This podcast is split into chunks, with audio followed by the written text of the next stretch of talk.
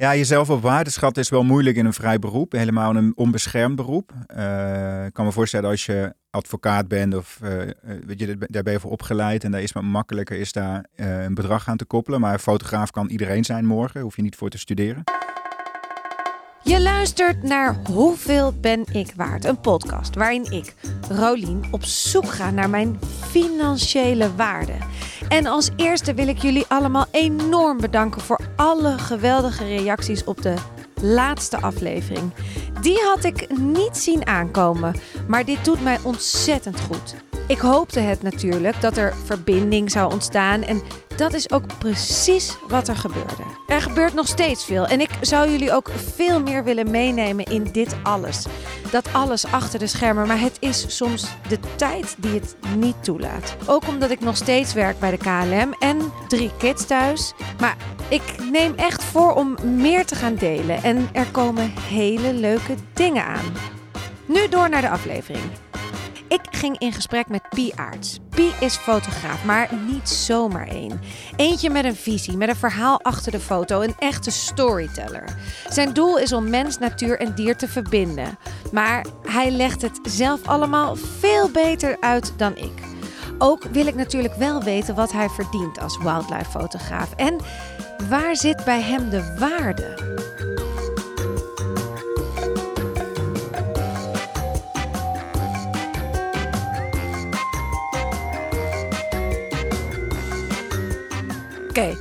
Ga beginnen.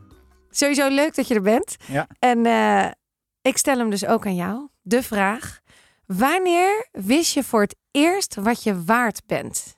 Ja, goede vraag. Ik, uh, om die vraag te beantwoorden, denk ik dat ik eerst moet uitleggen dat voor mij de, de, de definitie van waarde wel best wel veranderd is de afgelopen jaren.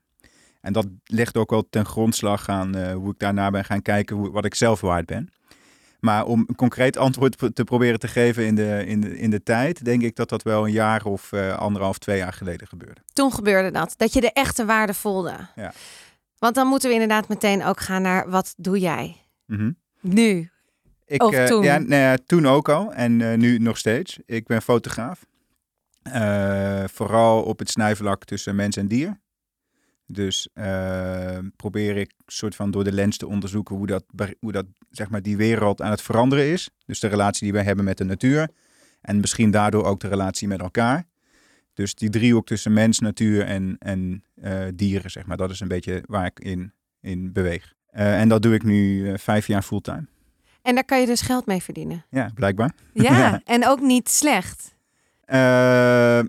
nee, ja, ja, het is nu natuurlijk heel anders dan het anderhalf jaar geleden uh, hoe het speelveld eruit zag. Het is wel veranderd onder, de, onder druk van COVID. Maar er is wel geld aan te verdienen, ja. En hoe ben je erop gekomen om dit te gaan doen? Want zei niet iedereen tegen jou, ja, dit kan toch niet? Daar kan je toch geen geld mee verdienen? Ja, ik ben daar wel heel erg in ontmoedigd. Maar ik denk dat wat vooral heel belangrijk daarin is, is dat je op een gegeven moment moet beseffen wat voor soort mensen omging je jezelf mee. En uh, op welke manier luister je naar wat tegen je gezegd wordt. En mijn achtergrond heeft niks met fotografie te maken. Mijn achtergrond is commercieel. Ik heb jarenlang ook andere dingen gedaan dan fotografie. En uh, ik merkte op een gegeven moment uh, in die periode dat ik ontdekte wat ik waard was, dat ik eigenlijk nog steeds te veel aan luisteren was naar mensen die uit, dat, uit mijn oude leven kwamen. Dus uit mijn oude omgeving.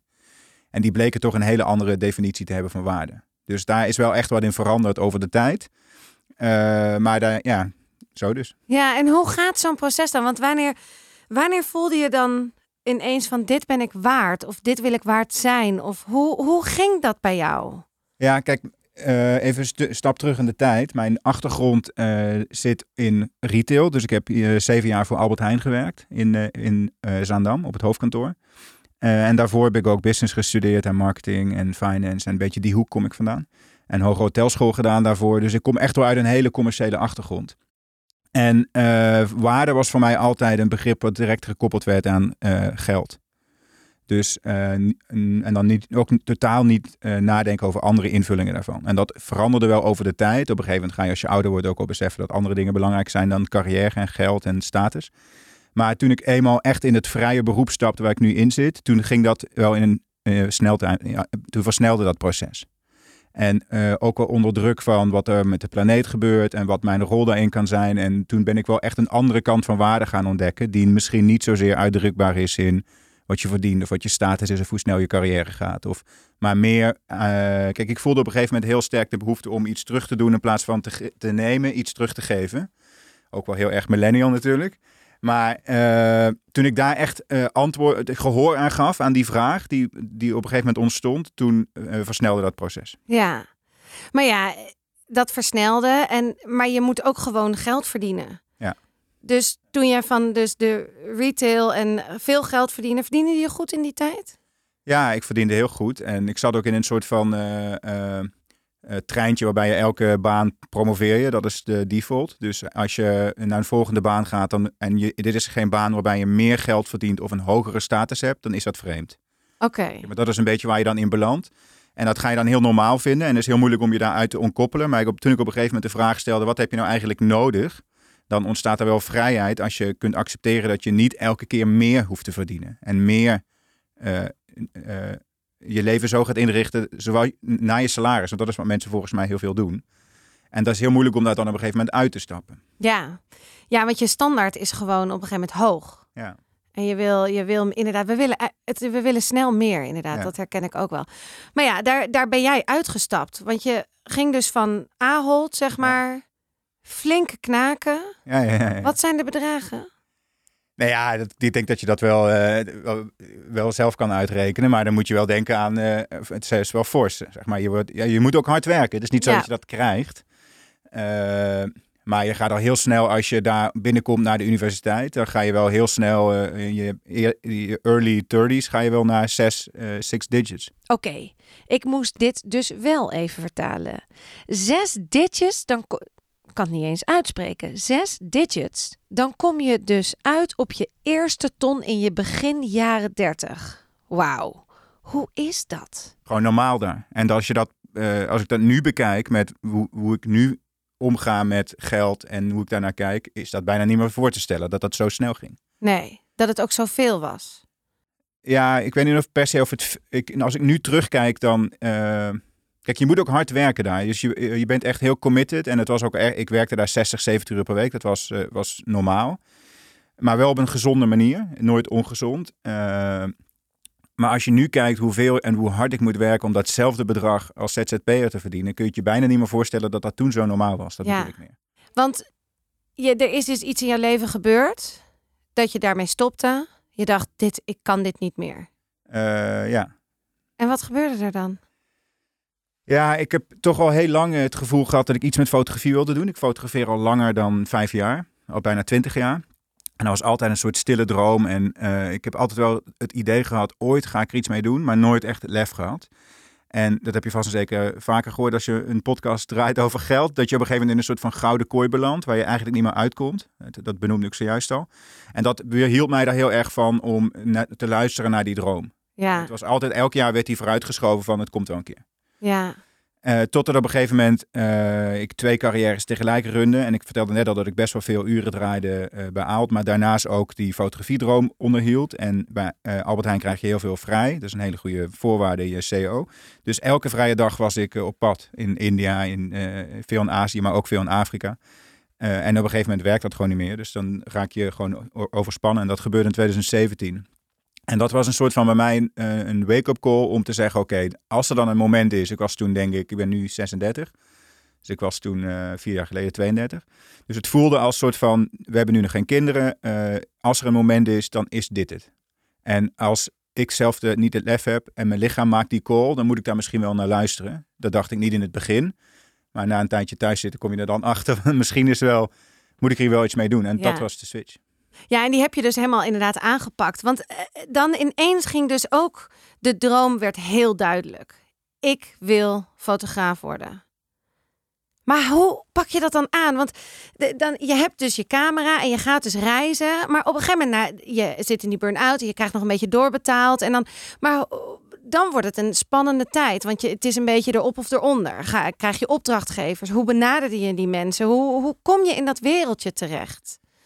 Nou, kijk, als ik, als ik mensen één advies kan geven als je in een situatie zit waarin je misschien in de toekomst ook iets significants anders zou willen doen met je leven, dan zou dat advies zijn om dat niet een hele eh, eh, harde overgang te laten zijn, maar heel gradually.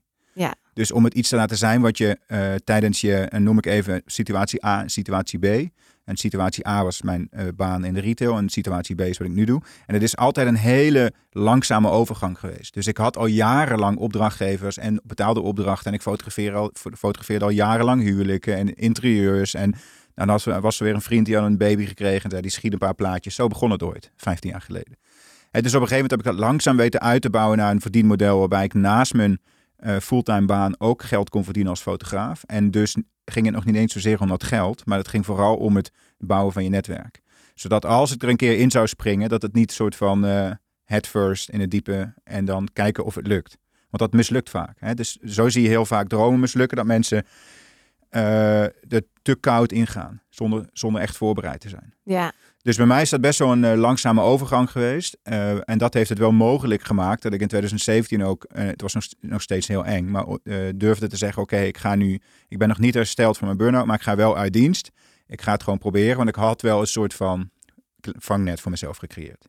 Ja, zo, het, zo, dat klinkt ook wel heel logisch. Ook gooi niet je schoenen, dat zijn toch allemaal van die mooie uitspraken. Dus ja, absoluut herkenbaar. Maar ja, je, ik ben ook wel van mening, denk ik, dat je op een gegeven moment ook de, de gok moet wagen. En, dan, dan, en dat heb je ook gedaan. Echt je hart gevolgd en het gaan doen. Maar dan kom je weer op het punt van, dan ga je onderhandelen. Dan komen, de, dan komen nieuwe opdrachtgevers. Ja. En dan vraag in hoeveel vroeg je in die tijd? Die eerste jaren. Wat vroeg je dan? Ja, jezelf op waarde is wel moeilijk in een vrij beroep. Helemaal een onbeschermd beroep. Uh, ik kan me voorstellen als je advocaat bent of uh, weet je, daar ben je voor opgeleid. En daar is het makkelijker is daar een bedrag aan te koppelen. Maar fotograaf kan iedereen zijn morgen. Hoef je niet voor te studeren. Je hoeft alleen maar een camera te kopen. Dus dat is wel, ik heb daar in het begin best wel moeite mee gehad. Maar uh, ik heb er vooral veel met, met andere mensen die het vergelijkbaar hebben meegemaakt over gesproken. En dan komt daar een soort van uurbedrag uit. En of je dat dan waard vindt. Kijk, een uurbedrag in een vrij beroep is denk ik ook bepaald ook heel, wordt heel erg bepaald hoeveel uur je daadwerkelijk dat werk kan doen. En als je op een gegeven moment uh, ontdekte ik dat ik van uurbedragen misschien makkelijker naar day-fees kon gaan of naar projectfees. En dan vervolgens be besefte ik dat bij die projectfees misschien toch wel makkelijk was om ook een uurfee te hebben. En zo speel je daar een beetje mee. Ja. Uh, en het ligt ook, ik bedoel, als je met commerciële klanten werkt, heb je hele andere bedragen dan je, dat je met NGO's werkt of met uh, goede doelen. Uh, en het vakgebied waarin ik zit, als je veel in Afrika werkt en veel op dat snijvlak mensdier zit, daar zijn heel weinig commerciële budgetten. Dus daar ga je ook weer bijstellen. Dus het is een heel dynamisch getal geworden. Wat eigenlijk elke keer, ik, ik, werk ook heel veel gratis, doe ik nog steeds. Omdat ik van mening ben dat er wel gewoon verhalen zijn die niet per se, waar je niet per se betaald voor hoeft te worden om ze te vertellen. Dus dan ja, het is, het is niet echt. Als je me nu zou zeggen, wat, uh, wat verdien je per uur? Wat vraag je per uur? Kan ik dat niet beantwoorden. Nee, maar je moet toch je huur betalen? Ja, dus je moet voor. Kijk, op een gegeven moment. Uh, in zo'n vrij beroep is het, en helemaal als ZZP'er, kun je best wel een keer zes maanden geen inkomen hebben. Dus je moet wel een soort van basis ook opbouwen. En dus ik heb wel een valse start gehad dat ik wel een achtergrond uh, in business had. Waardoor je wel, denk ik, beter begrijpt hoe je uh, je diensten omzet in geld. Dat was, dat was niet, zeg maar, nieuw voor me. En ik heb ook wel iets kunnen sparen. Dus mijn start was wel valser dan de gemiddelde foto, fotografie-student die net aan zijn carrière begint. Maar ja, je moet wel je huur betalen. Dus daarom zeg ik ook tegen mensen: probeer zo lang mogelijk, als je de kans krijgt, een baan te blijven doen die de rekeningen betaalt. Waardoor je de creatieve vrijheid hebt om uh, je eigen bedrijf te beginnen of je eigen winkeltje te openen of fotograaf te worden. Ja. Dus ik heb altijd die balans gezocht tussen hoeveel. Uh, uh, en daarom voelde. Voor, kijk, weggaan bij Aalt was voor mij zo eng vanwege die reden. Omdat het, zeg maar, de, de stroom die de rekeningen betaalde, die stopte. Ja. Dus dan, ja, ja dus... Uh... En ook een flinke stroom. Ik bedoel, als je inderdaad zo jong bent en je hebt echt ja. best wel wat, dan is het zo, het lijkt mij inderdaad zo'n enge stap.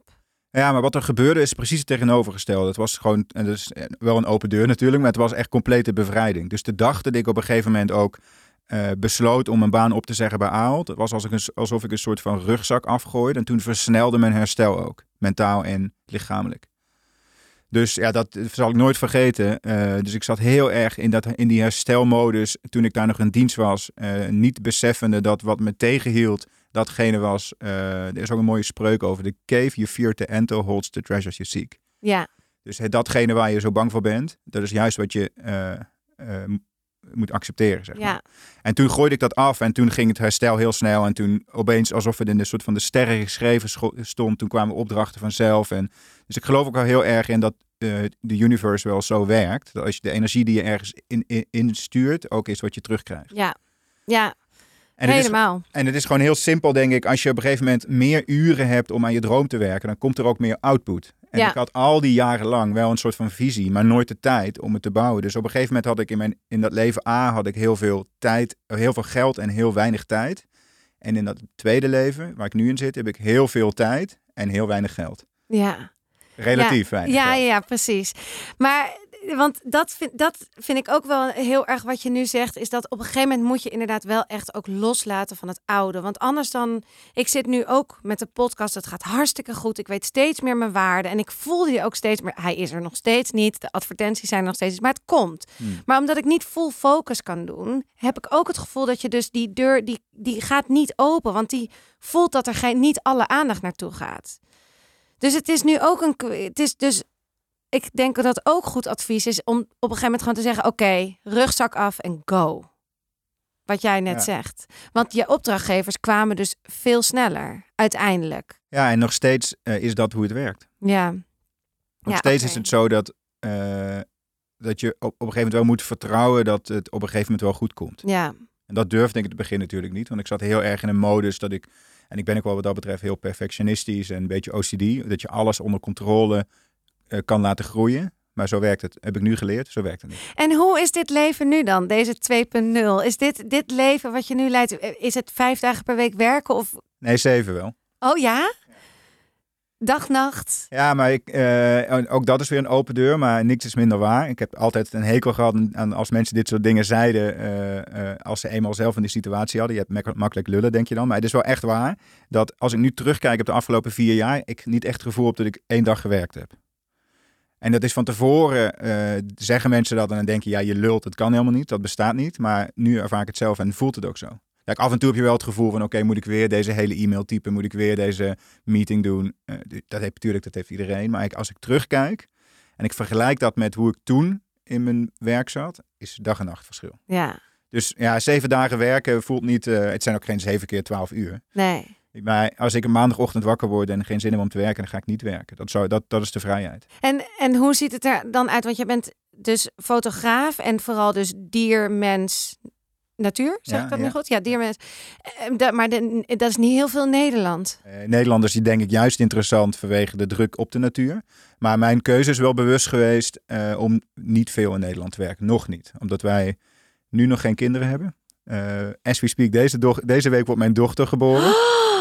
Wauw. Ja, dus het is wel een spannende week. Dus ik had er even slag om de arm of ik hier nu kon zijn. Maar Ja. ja, hier reageer ik een beetje enthousiast. Maar bevallen is los van wat ik nu allemaal doe ook een van mijn grote passies. Ik ben natuurlijk niet voor niets ooit de podcast Adem in, Adem uit begonnen. Dus als je zwanger bent, dikke vette tip. Een podcast over 's werelds grootste wonder, de geboorte. Maar we hadden het over waar Pie werkt.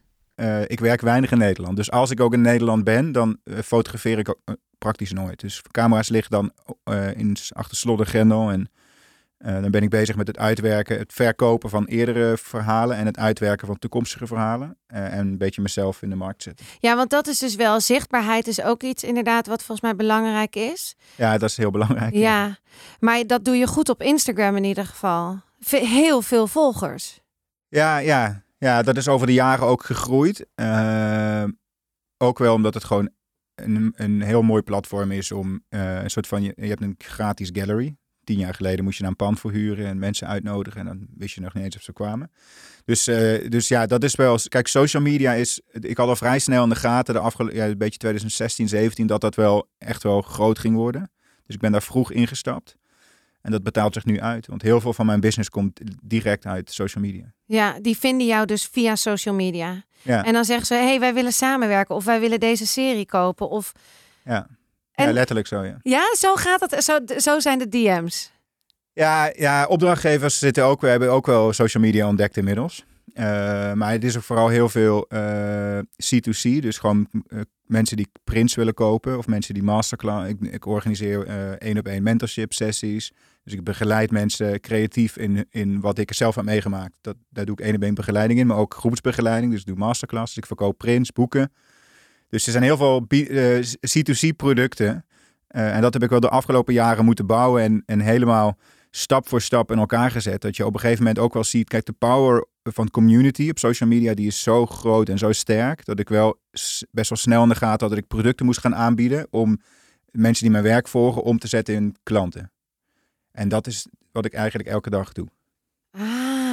Dus het is nog niet eens zozeer bedrijven en opdrachtgevers ook wel hoor. Maar eh, vooral heel veel mensen zoals jij en ik, die daar doorheen scrollen en op een gegeven moment op de bank zitten s'avonds en zeggen, moeten we niet, niet eens aan de muur hangen van deze fotograaf, weet je zo. Ja. Dus, hoe, dus hoe, vertaal, hoe maak je die vertaalslag tussen iemand die nou, alleen maar naar je plaatjes kijkt en iemand die daadwerkelijk een soort van tier one fan wordt van jouw werk? Ja. Dat is het spel. En dus ook cursussen verkopen. Dat is ook een leuke stroom van geld. Ja, dus kijk, als je uh, op een gegeven moment uh, tussen de acht en tien maanden per jaar in het buitenland bent, uh, dan dus ik zit nu een beetje in, de, in een fase dat ik dat minder wil gaan doen. Dat ik bewuster, als ik een, een verhaal maak, dat daar bewuster mee wil omgaan. Dus heb je ook meer business nodig in Nederland. En als, ik, als je weinig portfolio hebt opgebouwd in Nederland als fotograaf, is het toch lastig om daar een voet tussen de deur te krijgen. Dus op een gegeven moment heb ik besloten dat de business die ik in Nederland doe, vooral draait op educatie. Ja. Dus op het begeleiden van mensen, op het eh, houden van uh, storytelling masterclasses, op het geven van lezingen, op podcast uh, sessies. Anything. Wauw, maar, maar zo'n masterclass, hoe, hoe is dat dan een groepje en dan, dan ga jij die mensen leren fotograferen? Uh, nee, dat is het niet. Oh. Het is vooral, uh, uh, het, zijn, het is niet zozeer fotografie masterclass. Dus ik leer niemand, het is, zeg maar, het is randvoorwaardelijk dat jij weet hoe je camera werkt. Oh, je mag mij best okay. een vraag over je camera stellen, maar daar gaat, het hele programma gaat meer over hoe vind je je stem als storyteller. In, ja. in een wereld die overspoeld wordt door verhalen. Dus het gaat heel erg over, en dat is iets waar ik zelf heel erg mee geworsteld heb, met het uh, in één lijn brengen van je persoonlijke identiteit en je creatieve identiteit. Ja. Dus ik krijg daar muzikanten, dichters, schrijvers, kunstenaars. Uh, ik wou net zeggen, dit, kan, dit is dus voor ja. mij eigenlijk, oh, ik ben dit helemaal het spoor bijster. Dus dit komt Ja. wel goed uit eigenlijk voor Ja. mij. Oh ja, dus dat is dus je, oké, dus je creativiteit samenkoppelen aan je identiteit. En dat doe ik dan aan de hand van uh, mijn eigen verhaal. Dus het gaat wel, ik laat heel veel beeld zien. Uh, maar we praten ook over fotografie van andere fotografen. Dus het is, wel, het is wel visual storytelling. Maar er zijn ook mensen die schrijven of die kunst maken of beeldhouwers of muzikanten die ook naar buiten gaan en helemaal inspired en weer helemaal op zin hebben om er zelf mee in de slag te gaan. Dus het is heel, heel breed publiek. Ja, en hoe vaak doe je deze masterclasses? Ja, COVID heeft er wel even een handrem, even een Ja. handrem getrokken. Uh, maar ik heb er in 2019 wel uh, best wel veel gedaan. Het zijn groepen tussen de 15 en 20 mensen. En het is een dag. Het is één dag, ja. Ja, het is op zaterdag. En dit is, zijn lange dagen. Echt wel 12 uur gaan we aan de slag, zeg maar. Dus uh, ja, Wauw. zo werkt dat een beetje. Oké, en dat gaat dus allemaal ook via jouw website, via Instagram. Ja. En zo, eh, zo promoot je dat naar buiten, inderdaad. Ja. En, en die series dan die je verkoopt, zoals inderdaad, dan ga je naar, ik hoorde je net zeggen, je bent in Kenia geweest, net vijf weken. Ja. Wauw, oké. En dan eh, maak je daar heel veel foto's. Ja. Maar heb je die dan al verkocht voordat je daar naartoe gaat? Of heb je die, ga je die nu uitwerken, bewerken, series van maken en Ja. dan verkopen? Daar, eh, ik moet wel zeggen dat naarmate ik in mijn carrière groei, ik meer naar een model ga waarbij ik van tevoren het eindproduct bedenk. En pas dan de investering maak in de uitvoering. Terwijl in het verleden was het meer zo, we gaan gewoon en we kijken wel wat eruit komt. Ja. Dus tegenwoordig heb ik wel in, eh, voordat ik aan een project begin, in gedachten of er een boek uit moet komen of een printcollectie of een ander product. Dus ik ben nu bezig met eh, een, in Kenia met een printcollectie en waarschijnlijk ook met een boek. Dat is nog niet 100% zeker, maar dat groeit nu. ja. Eh, dus als ik daarheen ga, dan eh, weet ik wel van tevoren ongeveer waar ik mee wil terugkomen. Maar ja, je moet wel met de elementen werken. En je werkt met dieren veel ook. Dus dan kun je nog zo graag bepaalde dingen mee Ja. En als die dieren niet meewerken, dan gaan, werkt natuurlijk niet.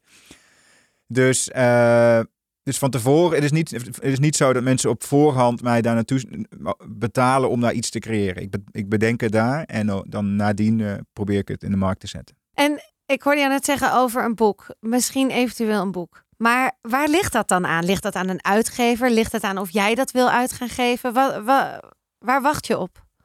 Eh, ja, het maken van een boek eh, is wel echt wel een groot creatief proces ook. Dus daar moet ruimte voor zijn. Om de, eh, in je hoofd, maar ook wel in je agenda. Eh, dus daar wacht ik nu een beetje op. Eh, dan heb je funding. Dat is ook best wel fors. Het ligt ook een beetje aan wat voor soort boek. Als je, ik bedoel, ik heb net een, een of net, eh, 2,5 jaar geleden een boek uitgegeven met een grote Duitse uitgeverij. En dat is wel echt wel een groot project geweest. Dat was mijn eerste grote internationale boek. Ja, en daar zit dan wel anderhalf jaar voorwerk in. En dan echt, heb je het echt wel over serieuze bedragen aan funding. Eh, dus dan in eerste druk is 8000 boeken. En dan moet je je voorstellen dat dat... eh, eh, daar heb je een paar ton aan funding voor nodig om dat neer te zetten. Om dat te produceren, op te slaan. En dat zijn wel risico's die ik zelf niet kan nemen. Nee. Dus daar heb je een backup nodig van of een uitgever of, een, of je moet het crowdfunden of je hebt een investeerder nodig. Dus ik ben nu bezig met het onderzoeken van de verschillende financiële routes naar een tweede boek. Omdat ik het niet op dezelfde manier wil doen als het eerste boek. Want wa- hoe ging dat op de eerste manier? Want het was dus veel geld wat je moest binnenhalen. Ja, dat, dat heeft op de. Kijk, als je op een gegeven moment met een uitgeverij samenwerkt, dan. eh, en zij nemen het grootste gedeelte van het risico op zich, dan krijgen ze ook de biggest share of the pie. Mhm. Dus dan gaat ook bijna alle winst naar zo'n uitgeverij. En dat is uiteindelijk voor een fotograaf leuk voor je credibility om met een grote uitgeverij een boek te maken, maar heel slecht voor je portemonnee. Ja. Eh, dus ik probeer dat nu anders in te richten. eh, dat ik misschien het boek zelf ga uitgeven. Eh, misschien wel met een kleinere uitgeverij daarin ga werken. Kijk, je hebt ook een bepaald distributienetwerk nodig. Dus je boek moet ook op plekken komen te liggen wereldwijd voor verkoop. Dus het is een beetje een spel de hele tijd wat je daarin speelt.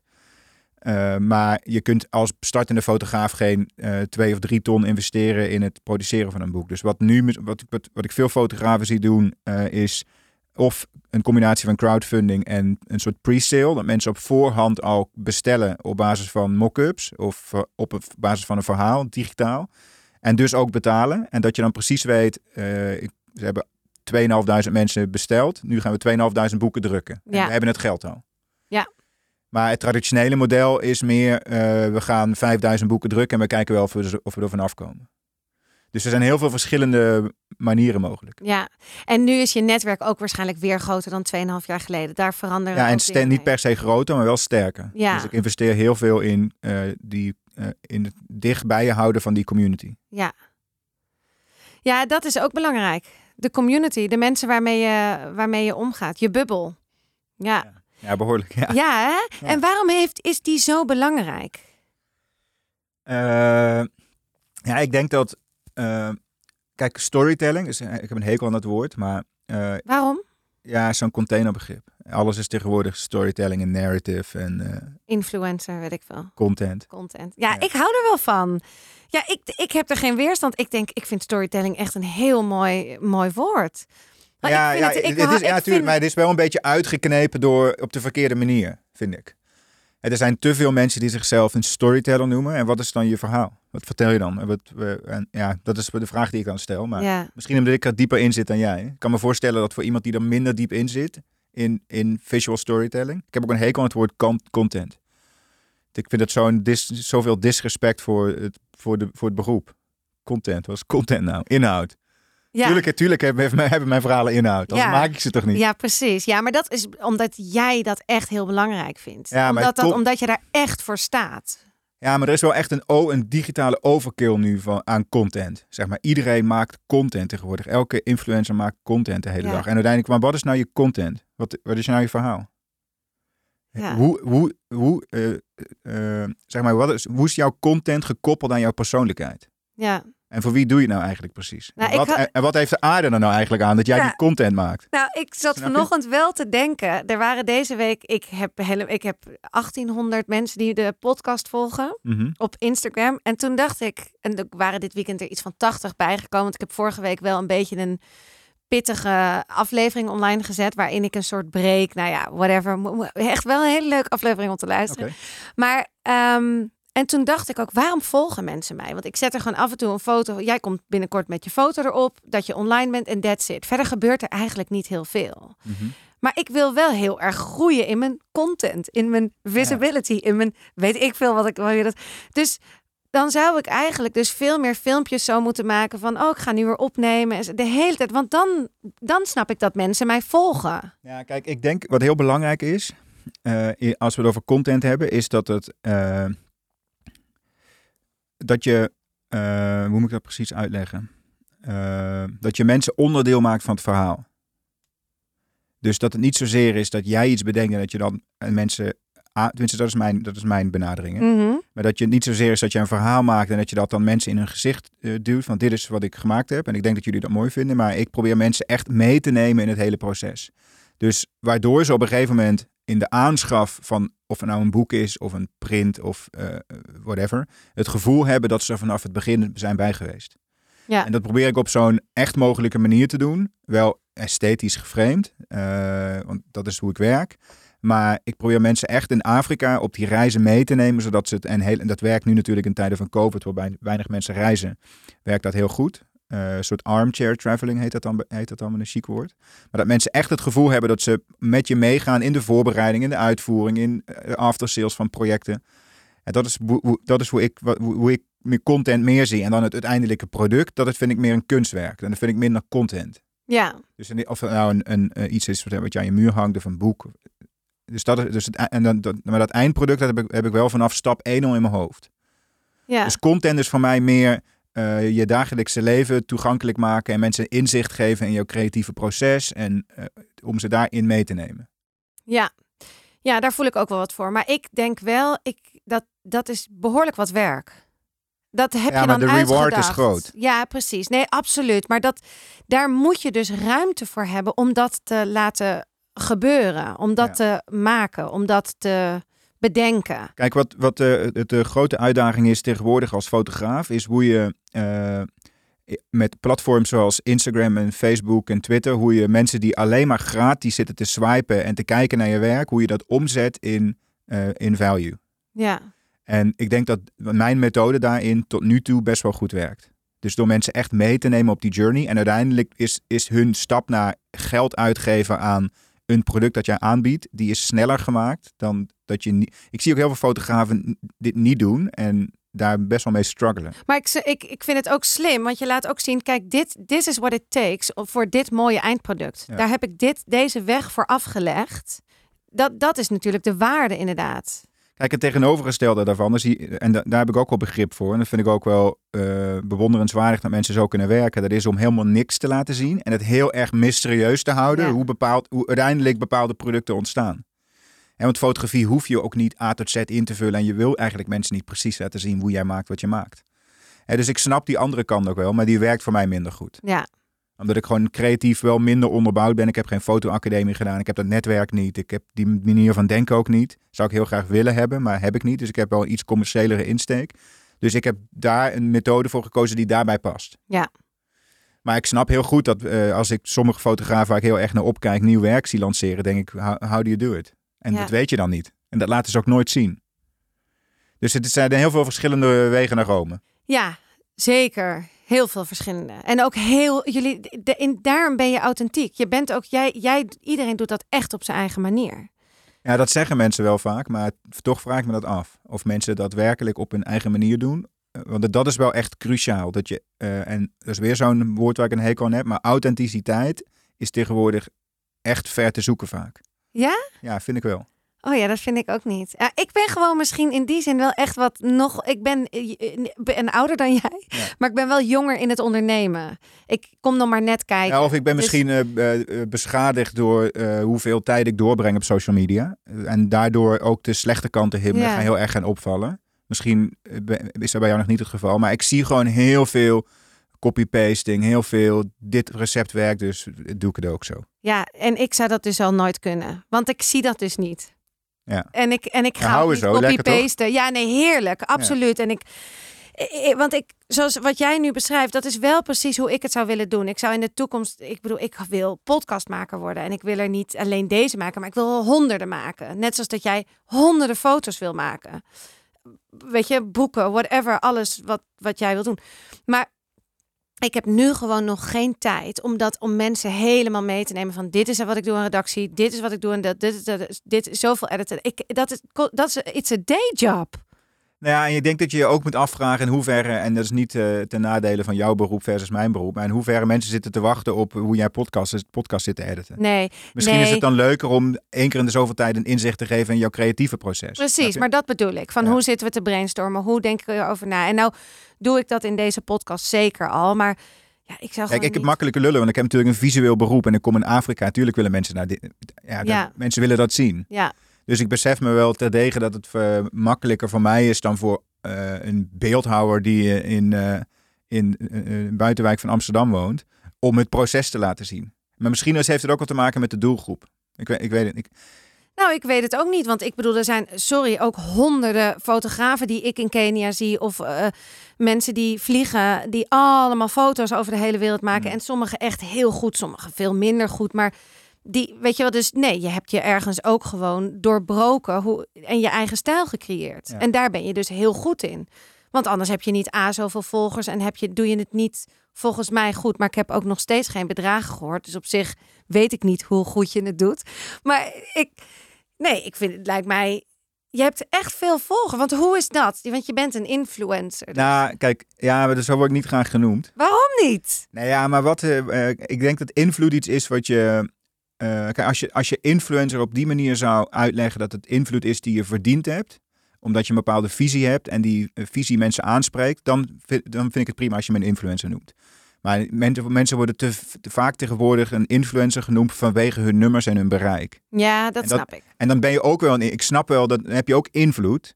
Maar daar probeer ik van weg te blijven. Dus Ja. ik ben al jarenlang bezig om mijn eigen eh, narrative zo te bouwen dat mensen me boeken vanwege mijn visie en niet vanwege mijn nummers. Ja. En inderdaad, in die space eh, wildlife eh, ben ik wel groot. in Nederland en ook daarbuiten. Maar ik probeer dat heel erg te ontkoppelen van waar, wie ik ben en waarom ik dat ben. Ja, En in het begin had ik daar nog moeite mee. Maar ik, ook wel omdat ik ouder word en wijzer en meer verhalen maak, kun je, kun je daar wat makkelijker je weg in vinden. ja, Dus eh, ja, maar kijk, voor, eh, een verdienmodel als fotograaf en überhaupt als artiest, denk ik in het algemeen. eh, ik heb, hoe ik daarnaar kijk, is dat je ehm, eigenlijk maar 100 mensen nodig hebt die alles kopen wat jij bedenkt.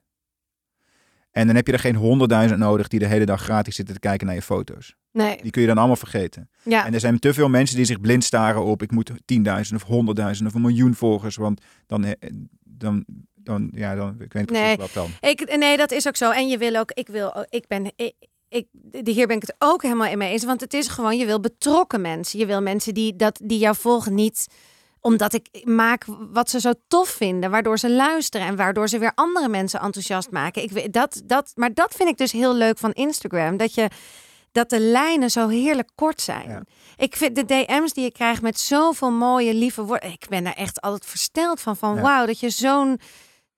Nou ja, het heeft, eh, het, eh, dit is de mooie kant inderdaad. Ja. Maar het heeft ook donkere kanten. En je moet dan een beetje voor jezelf in balans brengen. Hoeveel DM's krijg jij op een dag? Ja, veel. Echt? Ja. En ik beantwoord ze allemaal. Een van, en dat, is, Ik ook. dat is altijd onderdeel geweest van mijn eh, businessmodel. Om mensen zo te behandelen zoals ik zelf behandeld wil worden. Kijk, in de periode dat ik zelf, en nog steeds kijk ik op naar heel veel fotografen hoor. Maar in de periode dat ik echt mijn eigen stem aan het zoeken was. En dan een bepaalde fotograaf een bericht daarover stuurde. En compleet genegeerd werd. Dat vond ik altijd zo gênant. Ja, Dan dacht ik van wie ben jij om mij te Ja. negeren?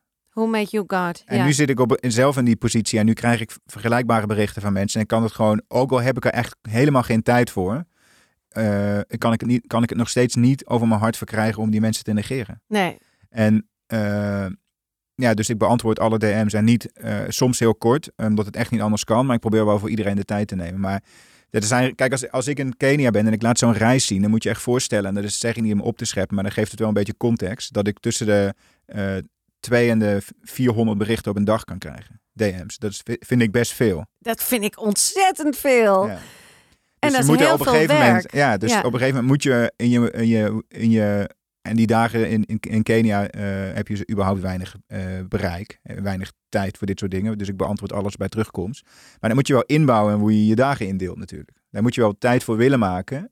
En, maar, a- maar als je dus teruggaat naar het begin en je een sterke community wil bouwen, eh, dus een beetje de kip en het ei, dan denk ik dat als je door dit te doen je een sterke community bouwt, maar andersom die sterke community die je gebouwd hebt, die, die verpesten jouw tijd ook niet met bullshit. Ja, Snap je een beetje wat ik bedoel? Ja, zeker. Dus uiteindelijk eh, snijdt het mes aan, al, aan al- alle kanten. Ja. uiteindelijk is elke, en dat is wel hoe ik er commercieel naar kijk, iedereen die binnenkomt met een vraag is bij mij gewoon een potentiële klant voor Ja. de toekomst. En zo moet je daar denk ik ook naar, naar kijken. Ja. Eh, ja, zo. Nee, heel duidelijk.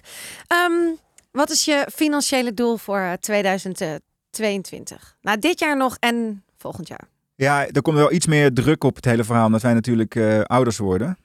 Dus dat maakt het wel spannend. Vind je dat financieel spannender nu worden? Nou ja, ik, heb, ik voel wel de verantwoordelijkheid dat je niet alleen maar voor jezelf hoeft te zorgen. En dat je ook wel iets wil na achterlaten. En als ZZP'er, eh, ik bedoel, er zijn wel hele goede broodfondsen en zo, maar het is toch lastig om je pensioen en je verzekering, om dat gewoon in een opstartfase gewoon goed verzorgd te hebben.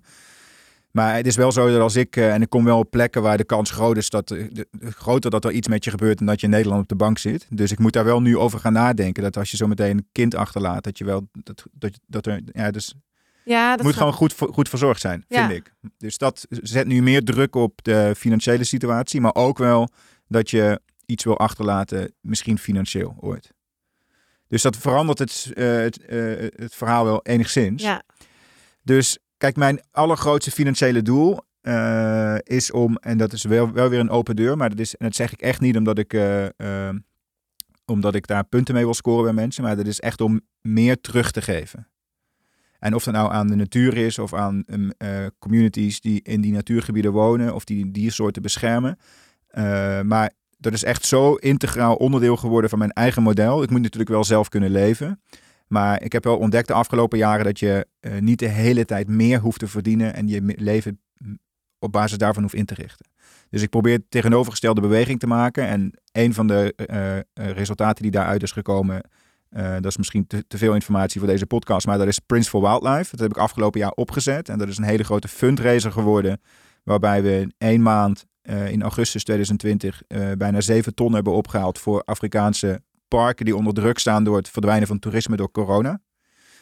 En dat is zeg maar het begin. En dus we gaan nu zo meteen live met die editie 2 van deze fundraiser. En dat komt helemaal uit eh, mijn koker samen met Marion, dat is een fotograaf uit Oostenrijk.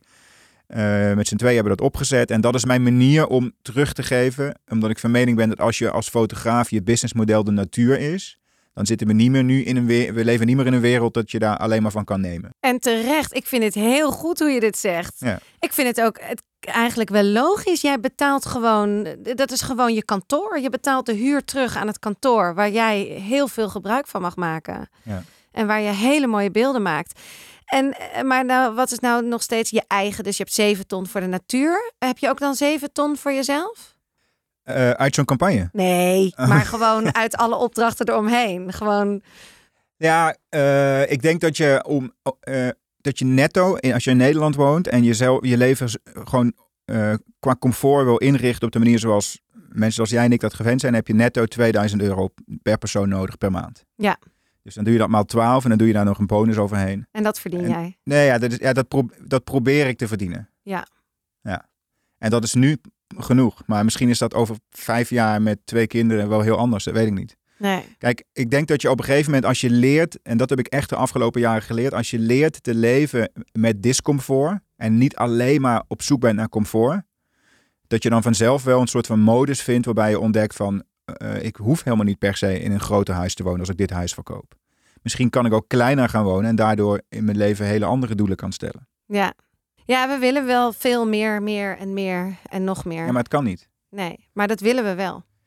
Ja, maar dus daarom is de niet, nee. sleutel is om te leren leven in discomfort. Ja, Om niet altijd eh, het comfort op te zoeken. Ja. En dan kom je er vanzelf achter dat je geen ton per jaar hoeft te verdienen. Of twee ton of drie ton. Het, Nee. is allemaal, het is wel heel prettig natuurlijk. Ik, ik zou niet ontkennen dat het... eh, Ik zou ook heel graag twee ton per jaar willen verdienen. Maar ma- vanwege één reden. Zodat ik dan één ton kan investeren in verhalen die een soort van healing the planet. ja, Dat zou mijn enige motief zijn om nu te zeggen... eh, Kom maar door met vijf ton per jaar. ja. Want Ik ken genoeg plekken waar ik eh, dat geld voor zou kunnen gebruiken. En niet Ja. per se om een, zelf een groot huis te kopen. Nee. Geloof, het, jullie geloof drie? het of niet? Ja, ik geloof je meteen. Eh, Woon jij drie hoog achter? Vier hoog achter. Oh ja? Ja, Oh ja, nou succes met de kinderwagen. hey, dankjewel. ja dank je.